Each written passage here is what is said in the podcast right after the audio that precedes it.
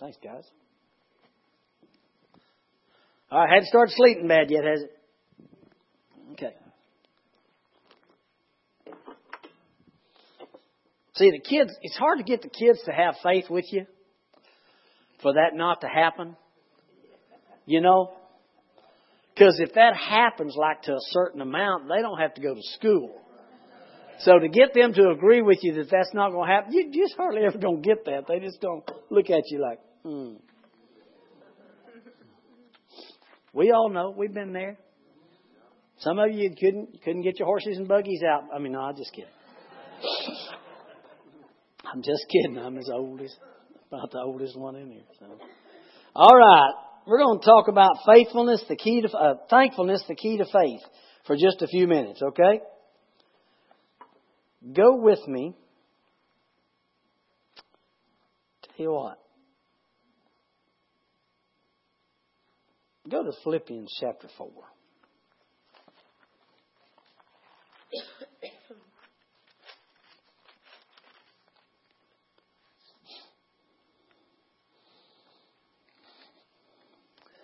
Philippians chapter 4, and we're going to look at verse 6.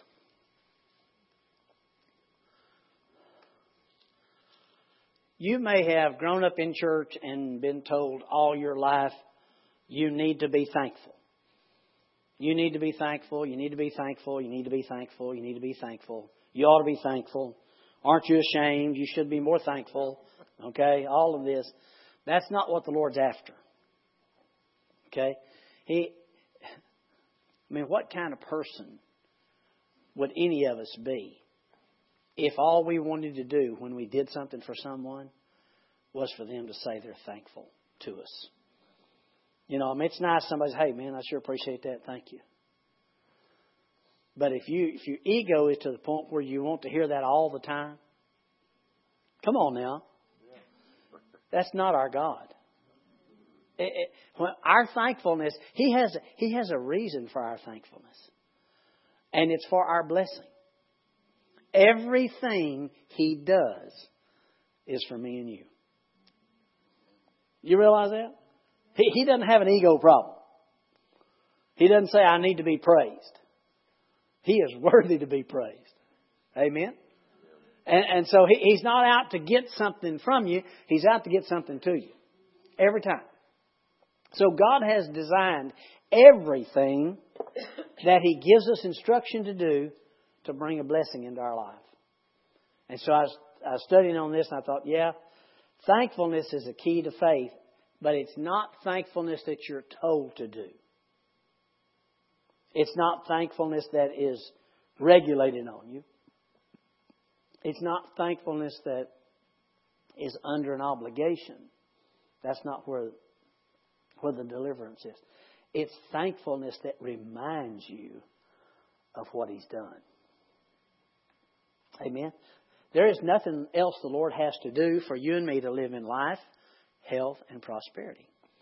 It's all been produced by the finished work of Jesus, right?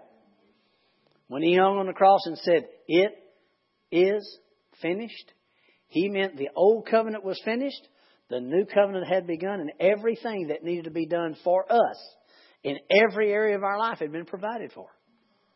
Amen. Now, we do know that there is a, a there is a gap sometimes between your desire and your need and mine and the manifestation in this realm of the answer of that. Make it plain. Sometimes you want stuff and it don't get there when you want it. Yeah. Okay? One of the keys to that is who the Lord put in charge. Now, He is King of kings and Lord of lords. He is everything. But in this life, He said, The heavens, even the heavens are the Lord's, but the earth has He given to the children of men. So what you say goes.